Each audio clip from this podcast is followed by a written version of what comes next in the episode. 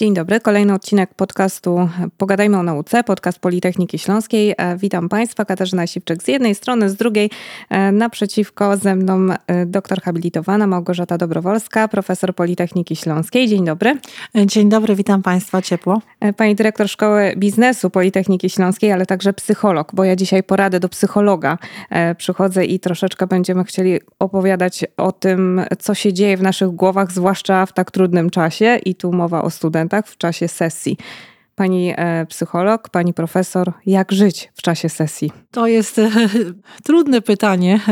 E, z jednej strony mówimy o tym, że mm, stres towarzyszy każdemu z nas i rzeczywiście no, nie da się żyć bez stresu.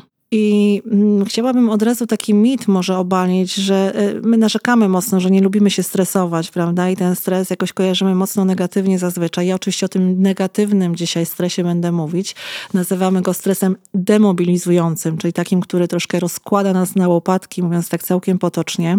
Obiecałam, że będę mówić takim prostym językiem, więc postaram się to dzisiaj wytłumaczyć w taki też e, prosty sposób, żebyśmy rozumieli, co to są za mechanizmy i dlaczego funkcjonujemy tak, a nie inaczej inaczej. Ale chciałabym jednak powiedzieć, że stres nam też dużo rzeczy daje, że stres jest dla nas niezwykle korzystny, że on dodaje nam energii, dodaje nam takiego kopa energetycznego właśnie do działań, które, e, że stres nas usprawnia, że my potrzebujemy stresu, żeby sprawnie i dobrze funkcjonować. E, więc e, jeżeli mamy taką możliwość, żeby trenować siebie w stresie, to my sobie tym pomagamy. Czyli im więcej robimy czegoś, czego nie lubimy, albo e, czegoś, z czym nam jest trudno, e, tym lepiej i tym to dla nas jest bardziej korzystne dla życia w dorosłości. Ci młodzi e, ludzie, studenci, którzy Prawdopodobnie y, słuchają nas też ci, którzy mają przed sobą pierwszą sesję, to nie zdążyli się chyba jeszcze przećwiczyć czy przetrenować.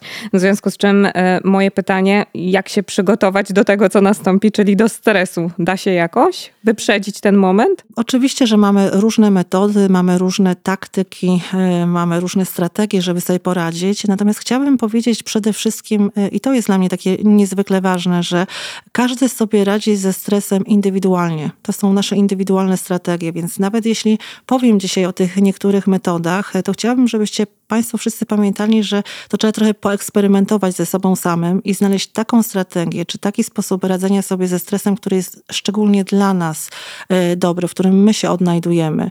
I mm, no, mówimy o tym, że mamy pewne wspólne mechanizmy, ale jednak dbanie o e, taki, taką, taką własną metodę e, radzenia sobie ze stresem byłoby najsensowniejsze i to jest jednocześnie najtrudniejsze, bo to oznacza, że musielibyśmy trochę siebie poobserwować, e, trochę siebie poznać, e, podkrywać właśnie pewne swoje preferencje, a my często poznajemy się nie tak o właśnie w młodym wieku, tylko ten proces od, odkrywania siebie, on czasem zajmuje nam całe życie. Więc dziś postaram się powiedzieć o tych metodach, które są takie najbardziej standardowe, takie najbardziej przydatne, bo to mi się wydaje chyba najbardziej takie sensowne też w, w doraźnym działaniu w stresie. To ja za chwilę zapytam o tą receptę, bo dla mnie receptą może być na przykład to, że pójdę wybiegać, tak, przed albo po i gdzieś tam te negatywne emocje wylecą. Natomiast e, młody człowiek e, być może nie ma jeszcze żadnego sposobu. To co pani przepisuje? Podstawowa pigułka na stres? Wróciłabym może też do tego sportu, bo rzeczywiście e, to, co pani dała jako taki przykład radzenia sobie ze stresem, czyli sport jest e, no, chyba w pierwszej trójce, jeśli chodzi o takie sfiltrowanie rzeczywiście emocji. E, I trzeba pamiętać, że emocje się w nas nie trawią. Czyli jeżeli tak jest, że my przeżywamy jakieś lęki, przeżywamy różne, przeżywamy złość, przeżywamy strach, prawda, różne trudne emocje, stres między innymi, to on gdzieś no, on się nam nie rozejdzie po kościach, tak bym powiedziała obrazowo. On się nam nie strawi. Czyli to też jest dlatego to, że nie e, potrafimy spać w nocy, e, że jesteśmy poddenerwowani, że jesteśmy tacy, mm, no, kłócimy się z innymi, prawda? Jesteśmy poddrażnieni. To jest też efekt naszego stresu. I rzeczywiście zmęczenie e, jest czymś, co mocno nam przeszkadza w sprawnym funkcjonowaniu, gdy jesteśmy niedospani. Więc ten sen, o którym chciałabym powiedzieć, choć brzmi to trywialnie, ale sen jest kluczem do tego, żeby dobrze funkcjonować w ciągu dnia i aktywność fizyczna również również. Są takie rzeczywiście, że jesteśmy przy tym wątku, to są takie dwie książki, które chciałabym polecić wszystkim młodym ludziom, zresztą wszystkim, nie tylko młodym. Mm, mamy taką książkę Fenomen Poranka i Klub Piąta Rano. I tam jest właśnie taka, myślę, dobra teza, która w ogóle jest też uzasadniona, jeśli chodzi o pory dnia, o organizowanie, o planowanie sobie e, pewnych działań. E, wiem, że młodzi ludzie wolą e, żyć nocami i rzeczywiście ten harmon, to, to nie jest źle. I jak to pogodzić? Bo jeżeli do nocy ktoś się uczy, bo nagle trzeba trochę nadrobić, no to jak się wyspać jednocześnie? E, mamy rzeczywiście, potocznie mówimy o skowronkach, prawda, i osowach, więc mamy takie dwa różne rytmy e, i osoby, które e, wolą nocami, prawda, są bardziej sprawne, bo wtedy im nikt nie przeszkadza, uzasadniają, racjonalizują to w różny sposób, ale faktycznie uczenie się wtedy im przychodzi łatwiej, a są ci, którzy wstają trochę wcześniej i wolą to robić wtedy, kiedy jest początek dnia i, te, i tymi rytmami będziemy się różnić i tymi mm, sposobami radzenia sobie z nauką też, to jest co prawda inny temat, jak się uczyć, ale jeśli przy nim jestem, no to powiem dodatkowo, że najlepszą metodą na, na, na w ogóle uczenie się jest taki, e, takie rozdzielenie wiedzy pomiędzy tym, że coś uczymy się, czegoś uczymy się strukturalnie, mówimy tak mądrzej, a potocznie powiedzielibyśmy, że to jest co innego wkuć na blachę, prawda? Czy nauczyć się słówek, nauczyć się definicji, nauczyć się czegoś po prostu, pewnej struktury, jak to się mówi, no, zapamiętać notatki. Natomiast e, zupełnie innym uczeniem jest to uczenie w tej wiedzy funkcjonalnej, czyli Teoria takiego rozumienia tego, po co mi to jest, co mi to daje. Czyli tego, tak mówimy, ucz się tak, żebyś umiał wytłumaczyć komuś, co to jest, albo byś umiał e, zrozumieć, jaką korzyść ci to przyniesie. E, więc jeśli sami nie umiemy, to pytajmy wykładowców, tak? Pytajmy na naszych nauczycieli, pytajmy na zajęciach e, do czego to służy, jak mi się to przyda. To są takie kluczowe pytania, które powinniśmy e, zadać. Wracając do stresu. Tak, i wracając do stresu, chciałabym zapytać, czy jakiekolwiek jest wytłumaczenie na to, co bardzo często się ostatnio pojawia, i to jest problem, z którym się stykają nie tylko młodzi ludzie, ale my dorośli chyba też, że jeśli tylko można, to przesunę to sobie na później. A może uda się, tak? Bo jeżeli coś odroczę w czasie, to może wtedy będę miał lepszy dzień na przykład. Myślę, że pyta mnie Pani o tą prokrastynację, która teraz jest bardzo popularna. Pytanie, e, czy to dobrze? No, prokrastynacja, jak wiemy, jest patologicznym sposobem radzenia sobie ze stresem i chciałabym to powiedzieć jednak e, wprost. To jest negatywny sposób, tak jak e, picie alkoholu, tak, czy różne acting outy. To, to nie są sposoby, które nam pomogą. To są sposoby, w których my będziemy czuli jeszcze większą frustrację, jeszcze większe poczucie winy, jeszcze większy lęk, prawda? One mają potem dla nas takie też znaczenie globalne dla naszego życia życia. Ale chciałabym podzielić się taką wiedzą mocno psychologiczną. E, ja wiem, że ona jest dosyć zaawansowana, ale myślę, że na nią wszyscy jesteśmy gotowi dzisiaj, by rozumieć to, że człowiek składa się z części świadomej i z części nieświadomej. I to tak jest, że na poziomie świadomym my mamy pewne mechanizmy obronne, które nam pomagają, między innymi wyparcie, tak? Jak jest coś trudnego, to my mamy taki mechanizm obronny, który jest już troszeczkę nieświadomy, też świadomy. No. Mm, e, e, mamy taki mechanizm, który korzystny jest pozornie, czyli wypieramy różne trudne e, kwestie albo takie, które mm, są dla nas uciążliwe. Podobnie jak jeszcze gorszy mechanizm obronny, jak racjonalizacja, gdzie my potrafimy po prostu sobie logicznie, pozornie, oczywiście to jest pozorny mechanizm, my potrafimy sobie logicznie wytłumaczyć, że my czegoś nie możemy w danym momencie zrobić, bo są rzeczy ważniejsze, albo że to jest nam niepotrzebne. Czyli gdybyśmy wrócili do tej części świadomej i nieświadomej, to ta nieświadomość y, to jest często to miejsce, gdzie y, my, mm, no, to, to jest właśnie ta przyczyna, dlaczego robimy tak, a nie inaczej. Czemu my się pakujemy w takie, a nie inne kłopoty, czemu powtarzamy te same traumy, czemu powtarzamy powtarzamy ciągle te same błędy. To jest, ten, to jest to miejsce. I dobrze jest, dlatego mówię, że dobrze jest odkrywać siebie, żeby rozumieć, do czego nam to służy. Czyli wszystko, co robimy w życiu, między innymi takie odkładanie, ta prokrastynacja tak zwana, zaraz o niej powiem troszkę szerzej, ona jest pewnym narzędziem. Więc y, im bardziej próbujemy świadomie rozumieć siebie, im bardziej chcemy przyglądać się sobie, tym bardziej powinniśmy zadać sobie pytanie, po co, do czego to mi jest potrzebne, jaką to ma funkcję u mnie, że ja to odkładam. W przypadku sesji tutaj to pytanie trochę się komplikuje, bo nie mogę sesji przestawić na później? E, no, e, teoretycznie nie, ale mogę ją zracjonalizować w znaczeniu takim, że jak nie zdam, to mogę sobie powiedzieć, że nie zdałem dlatego, że nie miałem czasu się nauczyć, prawda? Czyli mogę odsunąć ten proces e, uczenia się, tego sensu. No, no, mogę zamiast do, robić dobry plan, mówimy, prawda? To jest oczywiście coś, czego sama nie lubiłam, jak byłam też w czasie sesji, prawda? Zawsze mi moje koleżanki czy koledzy z branży psychologicznej podpowiadali, zrób sobie dobry plan, bo to jest rzeczywiście najlepsza metoda. Zrób sobie plan, który ma swój cel, popatrz na dni, które masz, rozdziel sobie na konkretne dni to, ile i co się chcesz nauczyć, w jakich konkretnych porach, czyli podziel sobie to, żeby sobie uzmysłowić, jak dużo tego jest i jak bardzo jest to trudne potem, żeby się tego nauczyć w jedną noc, tak? czy w, w takim krótkim momencie. Więc to robienie planu jest też taką ważną metodą e, dla nas bardzo prostą, żebyśmy sobie e, no, uzmysłowini, ile mamy do wykonania zadań, czynności, ile tego tak naprawdę musimy się nauczyć, ale przy tym popełniamy zazwyczaj taki błąd, że my tego nie dość, że nie osadzamy w czasie i nie konkretyzujemy, prawda, że tam, nie wiem, stronami, czy jakimiś zadaniami, czy jakimiś modułami, my tam nie wstawiamy nagrody. I teraz, gdy popatrzymy na takie dobre praktyki, czy dobre rekomendacje takich prawdziwych psychologów, czy prawdziwych ekspertów od organizowania sobie życia dnia, od strategii zarządzania, zarządzania codziennością. Tu na przykład KOWI, prawda, siedem nawyków takiego skutecznego działania, bardzo fajna, też prosta metoda, no to tam musi być ta nagroda. Czyli element nagradzania jest takim elementem, który podtrzymuje u nas pewną motywację, mobilizację, prawda?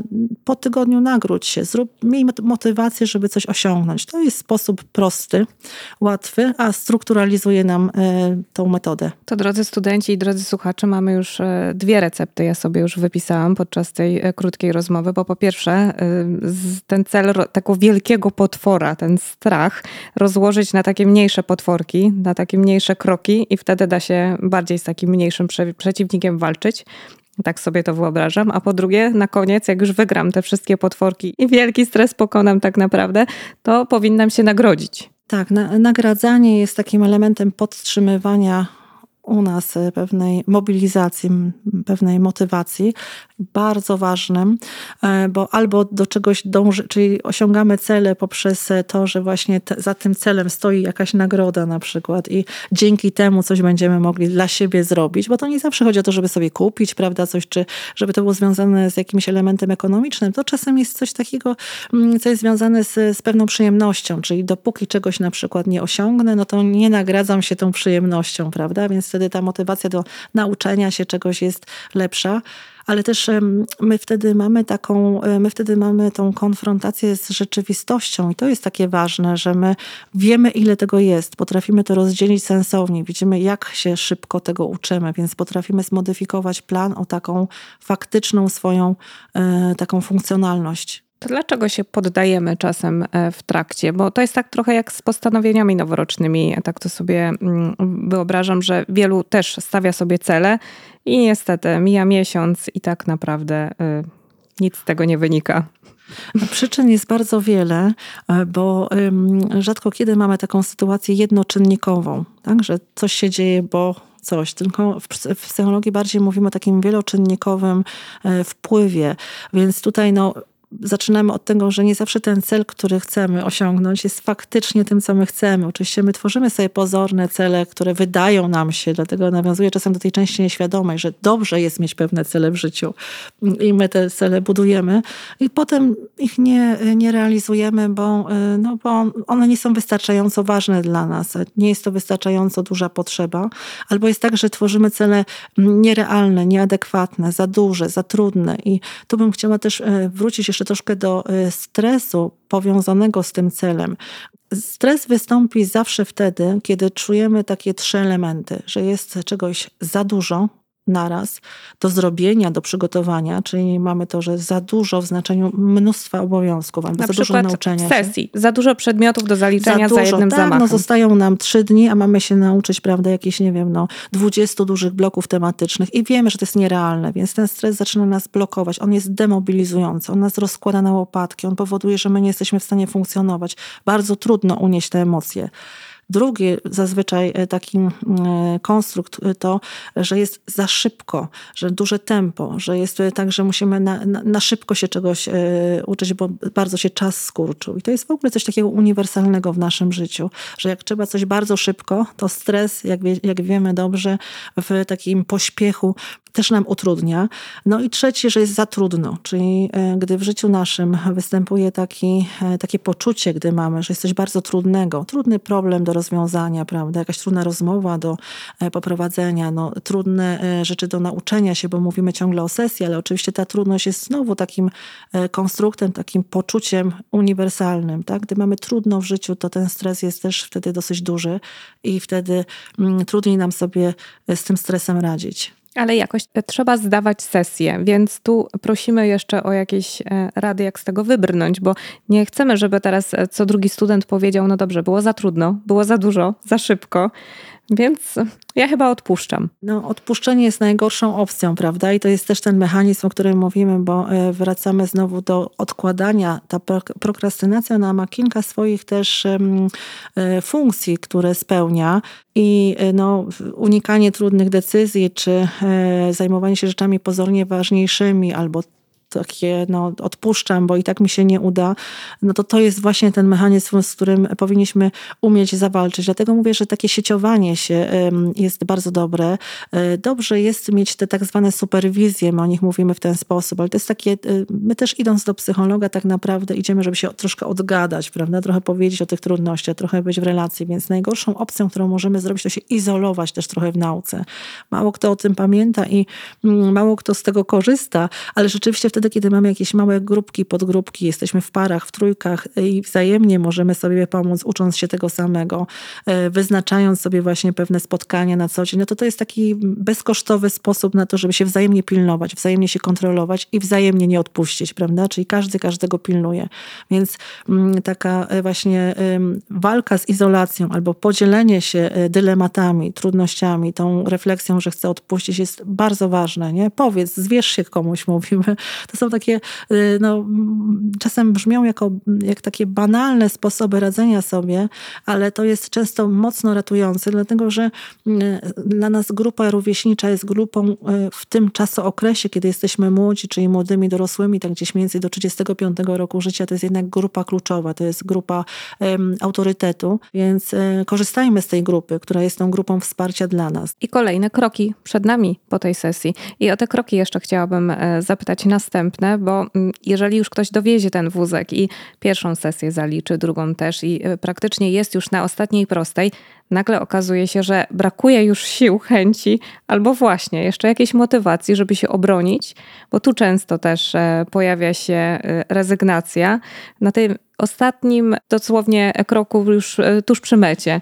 E, co wtedy? No to ja znowu wróciłam do tego, od czego zaczęłam. Szanowni Państwo, to jest właśnie taka nasza psychologia. Tu trzeba by popatrzeć na siebie i zobaczyć, e, dlaczego tak jest, że ja odwlekam, że ja się nie bronię na przykład. Tak? Czemu tak jest, że ja tej pracy magisterskiej nie, nie piszę, nie Może, nie, żeby kończę. być wiecznym studentem.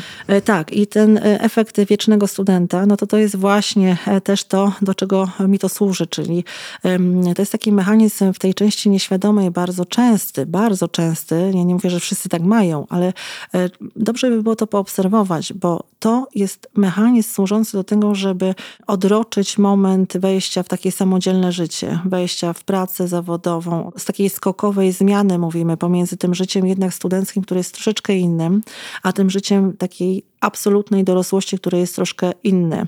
E, no i czemu tak robimy? Tu znowu mamy wiele przyczyn. E, one są indywidualne w zależności od tego, kto jest tą osobą, ale mm, bardzo często mówimy o tym, że one wynikają też z lęku przed porażką, z taką e, niechęcią do tego, żeby zakończyć pewien etap. Jednak, bo praca magisterska jest takim też obrzędem, powiedzielibyśmy tak symbolicznie też kończy etap młodości, kończy etap studiów i jednak skokowo, tak? czyli odcinam jedno, zaczynam E, drogie, e, więc my czasami nieświadomie odraczamy ten moment, mając ten mechanizm racjonalizacji, czyli my potrafimy przywołać wiele takich pozornie racjonalnych argumentów, usprawiedliwić to mm, na tym poziomie naszym świadomym, że my po prostu jeszcze nie możemy się obronić, bo jeszcze niewystarczająco dobra jest ta praca, jeszcze nie mamy materiału, nie mamy czasu, są inne rzeczy ważniejsze, więc mm, no, to jest taki efekt najczęstszy. Oczywiście są inne.